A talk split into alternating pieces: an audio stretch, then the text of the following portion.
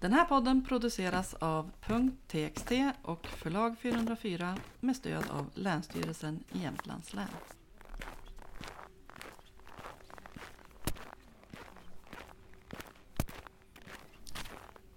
Nerkärad på Runeborg. Jag konfirmerades i Östersunds nya kyrka i maj 1955 då jag var 13 år gammal. Inför detta högtidliga tillfälle hade jag fått en ny snygg blå kostym och nya skor, så kallade myggjagare, i oxblod. En lördagskväll samma sommar cyklade jag och min kompis Åke ut till Runeborg där det bjöds på dans och andra nöjen.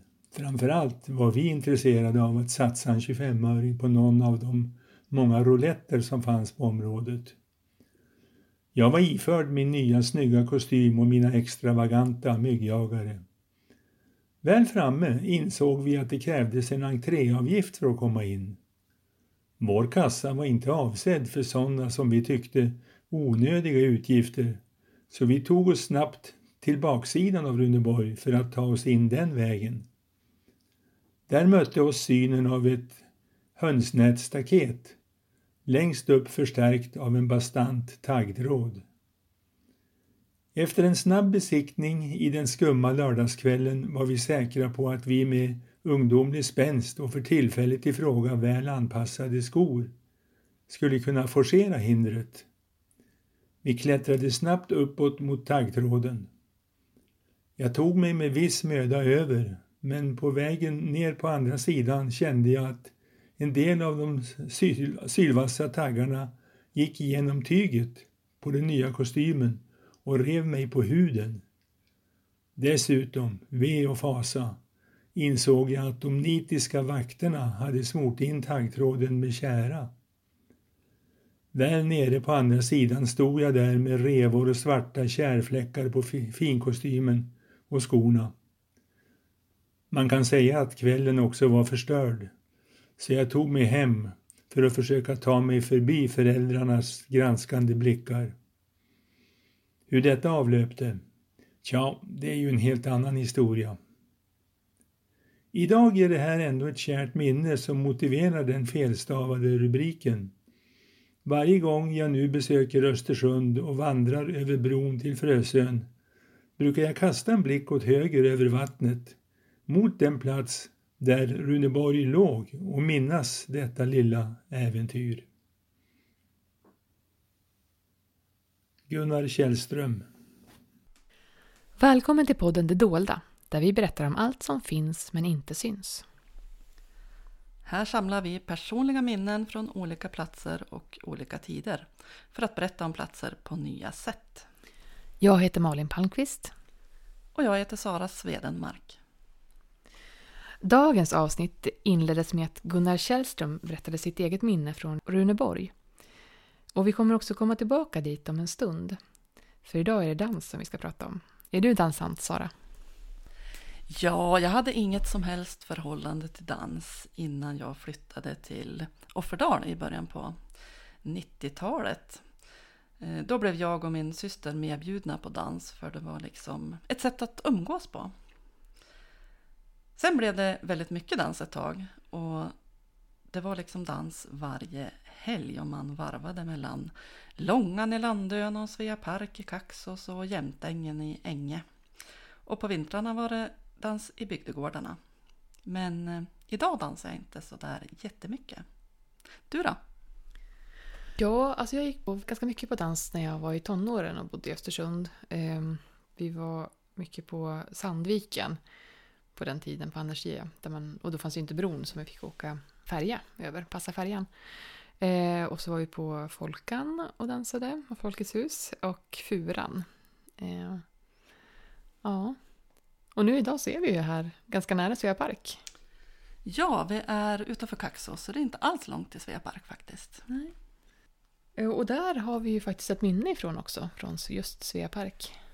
Ja, ett minne från Birgitta Fairweather, eller Gittan Karlsson som hon också kallar sig. En dans med pappa.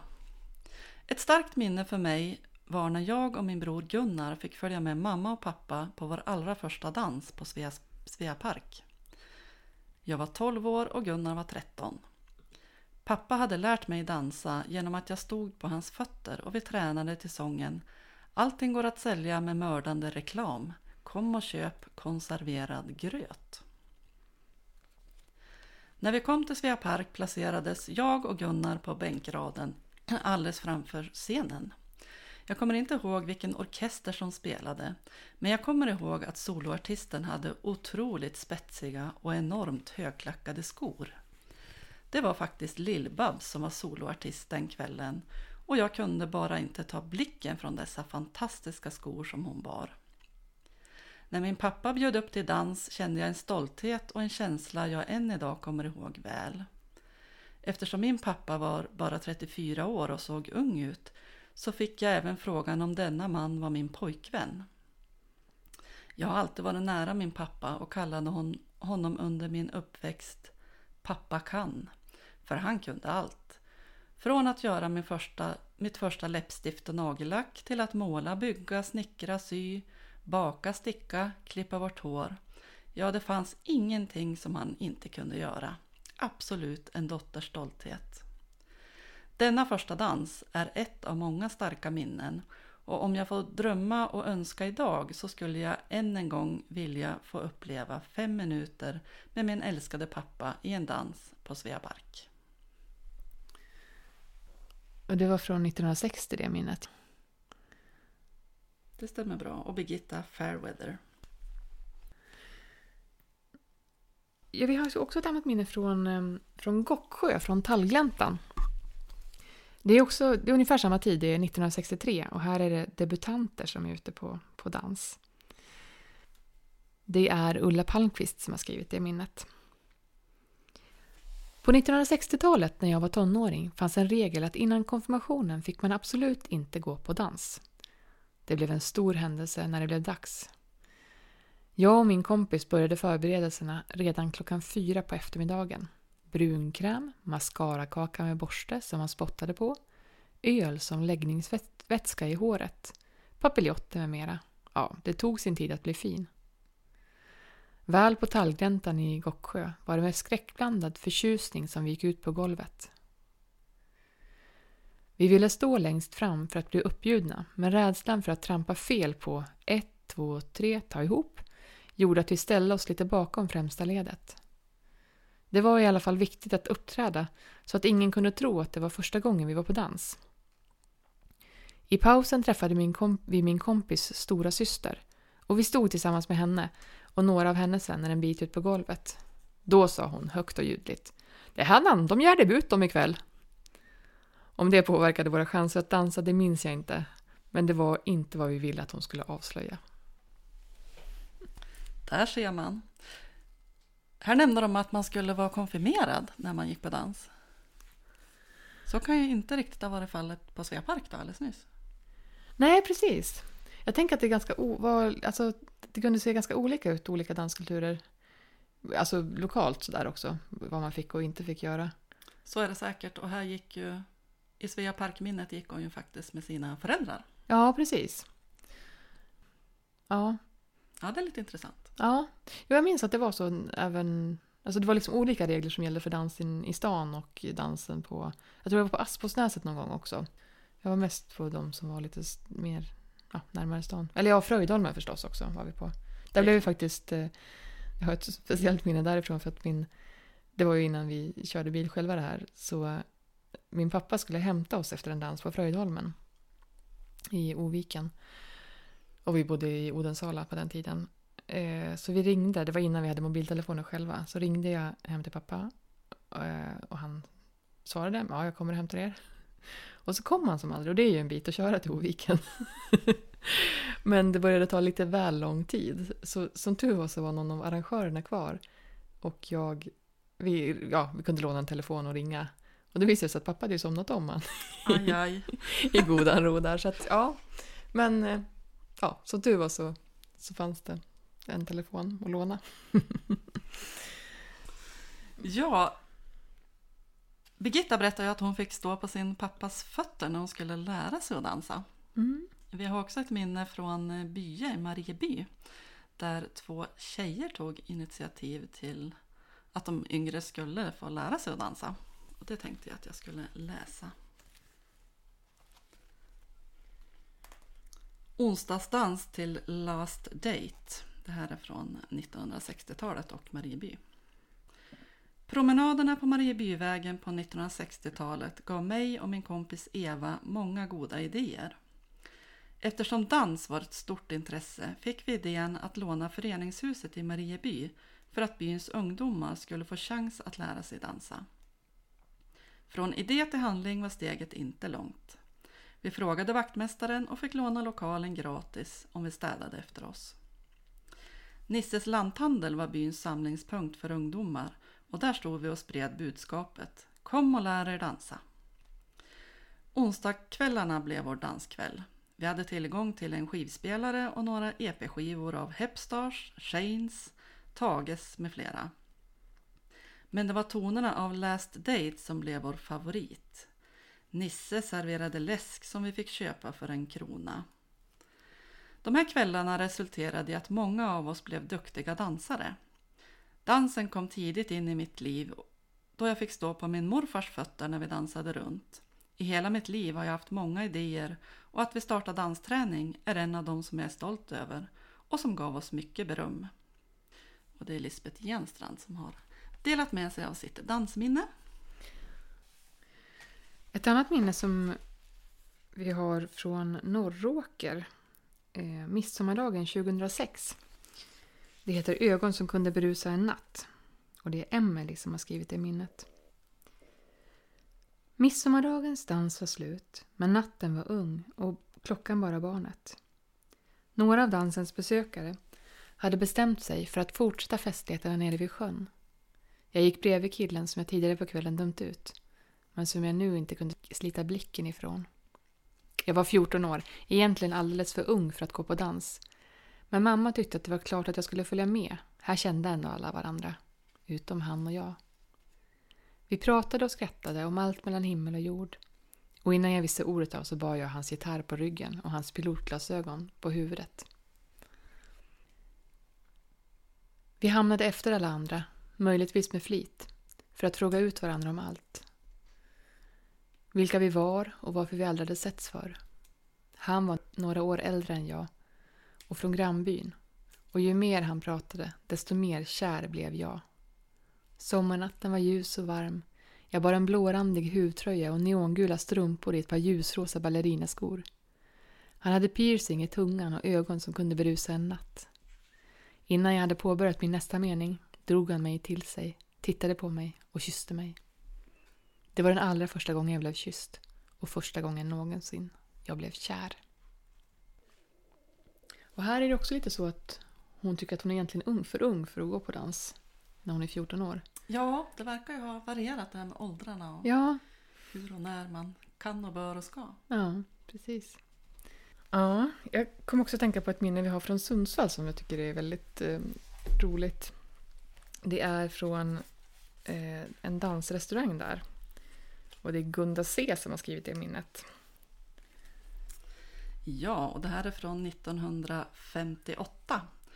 Tom börs på runan. En episod under elevtiden. Under senare delen av 1950-talet studerade jag till sjuksköterska vid Sundsvalls lasarett. Vi var alla inneboende på elevhemmet på Norrlidsgatan.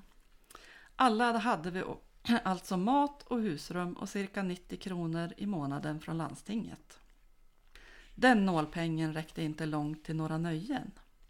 En dag bestämde några av oss att gå till en dansrestaurang som hette Runan. Vi samlade in alla 1, 2, 5, 10 och 25-öringar vi hade och tågade iväg. Det borde räcka. Men när vi ätit och dansat kom servitrisen med notan. Mina kompisar stack. Det var ju jag som hade kassan. Jag slängde upp börsen och tömde ut allt. Visste inte om pengarna skulle räcka. Servitrisen räknade och räknade och jag blev mer och mer svettig. Tror inte att det räckte till någon dricks. Men jag log och tackade så mycket och skyndade mig ut. Vi gick aldrig dit någon fler gång. Nej, jag tänker att det är, det är ganska mycket som alltså, kringgärdar dansen också. Det är inte bara själva dansandet utan det är mycket som är runt omkring. Med restauranger och eller liksom hur man fikar och så här. Och, ja. Och, men också hur man åker dit, att man ofta åker ganska långt för att gå på dans. Mm. När jag bodde i Luleå sen så då, då kunde vi åka så här 17 mil för att gå på dans en kväll. Då, jag umgicks rätt mycket med några som var väldigt entusiastiska inom, i dansvärlden. Liksom. Men det tror jag inte är så vanligt. Att man, om man är verkligen dansintresserad så åker man gärna ganska långt för att se sitt favoritband eller för att dansa på en speciell dansbana och sådär. Ja men det tror jag också. Och det kan nog vara så än idag. Ja. För många av de minnen vi har tagit upp nu de är ju från lite äldre tid men det, danskulturen lever ju verkligen idag också. Ja. Vi har Dansforum på Värmlandsskalet till exempel. Det är ju fortfarande. Det är otroligt populärt. Ja. Och vi har faktiskt ett minne därifrån. ja. Det är från 1997. Och det är Emma Nyberg själv som läser sitt minne. Plats Hackås och Vemdalsskalet. Tid 1997. Dansentrén. Vi hoppade på bussen i Hackås och åkte till Dansforum på Vemdalsskalet. Jag skulle snart fylla 18 men var fortfarande 17. Väl framme fick jag nej i första dörren. Inget lägg, ingen entré. Andra dörren. Vakten frågar efter lägg. En lång inövad harang om att jag glömt det hemma men jag är 18, säger jag. När är du född? En väl repeterad sifferkombination kommer ut ur min mun och en av de som åkt med bussen, som jag aldrig har träffat tidigare, säger Alltså, jag har känt den här tjejen i, alltså, ja, flera år och jag vet att hon är över 18. In kom jag till slut och kul hade jag. Jag heter Emma Nyberg. Ett ställe som vi har fått ganska, väldigt mycket minnen från i Östersund det är ju Runeborg. Det är ett speciellt ställe, det förstår man när folk börjar berätta om det också. Ja, och det, det kommer också ofta, upp på stadsvandringar, så här, lite olika minnen därifrån. Det var ju där vi började den här, eh, det här avsnittet också, Mm. med Nerkärad på Runeborg. Ett annat minne som vi har därifrån, det är från eh, 1957. Att det heter Runeborg, det, det är väl förresten för att runstenen står där, tror jag. Ja just det, den stod där i närheten då. Ja, ja Precis, den är flyttad sedan Mm. dess, men, men den runstenen som finns på Frösön fortfarande. Hålkortsoperatören på Danspalatset heter det här minnet. Vi som gick på läroverket, idag Vargentin, gick på Runeborg när vi skulle ut och dansa. Detta ganska lilla idylliska danspalats som låg strax till höger om Frösöbron när man kommer från stan. Huset brann ner någon gång på 1960-1970-talet. Till Runeborg kom dansorkestrar från Stockholm och spelade de finaste jazzlåtar att dansa till. Stardust och så vidare. Det var där på nyårshelgen som jag blev uppbjuden av en mycket spännande ung man. Han var nyss inflyttad från Stockholm och hade fått arbete på Mejeriföreningen, idag Arla, som hålkortsoperatör. Vi fortsatte att träffas och jag minns hur jag stod utanför Mejeriföreningens lokaler som då fanns vid busstorget, där kärnan nu ligger, och väntade på att den fina unge mannen, som på den tiden var klädd i rock och hatt. Våra vägar skildes så småningom åt och vi flyttade bägge bort från Östersund för vidare utbildningar och för den unge mannen nya utmaningar inom datavärlden. För 15 år sedan återfann vi varann och vi glömmer aldrig hur allt började. Och det var Elisabeth Sandler som har skrivit det minnet. Och så har vi då Solveig Broddesson som läser sitt minne om Runeborg. Och Solveig träffade vi på en stadsvandring en gång i höstas. Och hon berättade här just på platsen där Runeborg en gång fanns.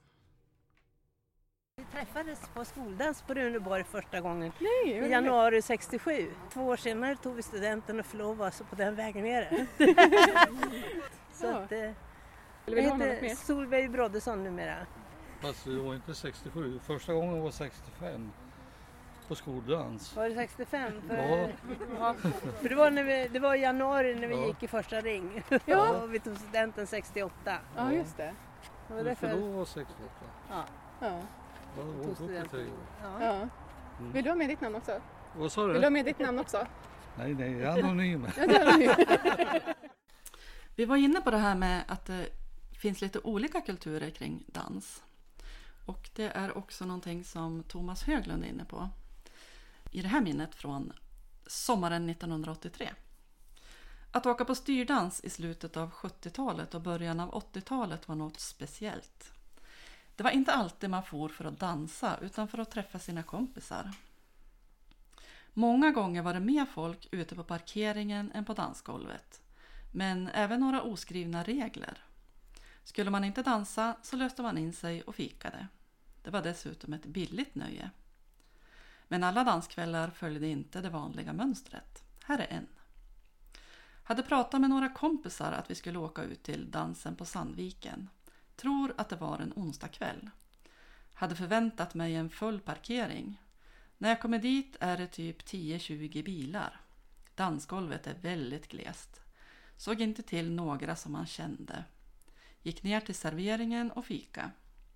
Där fick jag veta att det var lite folk av en orsak. Säsongsavslutning av en populär brittisk thrillerserie. I kaféet stod en TV.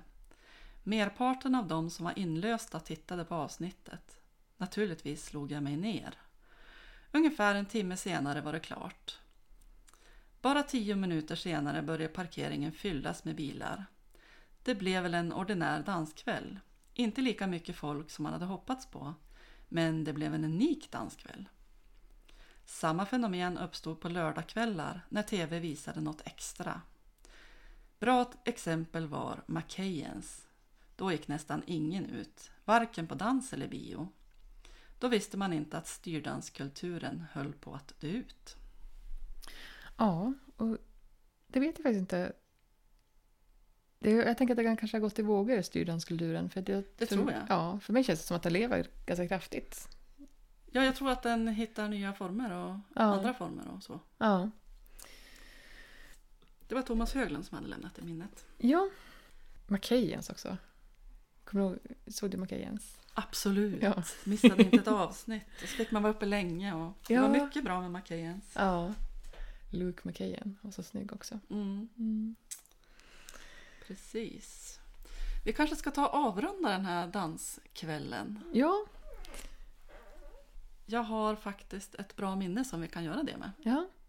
Det är från november 1973 och det är skrivet av Anna-Lena Zetterberg. Vid kvällens slut. Jag sitter vid väggen på furan, är trött och lite less. Ikväll har det inte blivit så många danser. Det känns ovant, snart är kvällen slut. Men så kommer han. Han bjuder upp. Vi dansar de danser som är kvar. Han är militär från Dalarna vi åker i sällskap till min kompis. Dagen efter ses vi igen. Sen åker jag till Sveg. Jag skriver ett brev på måndag, får svar. Breven och mötena fortsätter. Ibland är det slingrigt. Nu har vi tre barn och två barnbarn. Kärleken lever än. Vi firar 40 år tillsammans.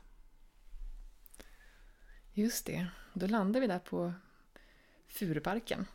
Ja, Strax utanför Östersund, Torvalla by. efter lite utflykter till Sundsvall och Kaxås och... Och, Ja, ja, precis. olika tider också. Ja. Bra. Då får vi tacka för oss idag. Det gör vi och nästa gång har vi samlat ihop helt andra minnen. Ja. Tack Hej för idag! Du har lyssnat på Det dolda, podden om allt som finns men inte syns. Den här podden produceras av Punkt.txt och förlag 404 med stöd av Länsstyrelsen i Jämtlands län. Om du vill läsa fler minnen eller lämna egna minnen, besök oss på dendoldastaden.se eller detdoldalandskapet.se.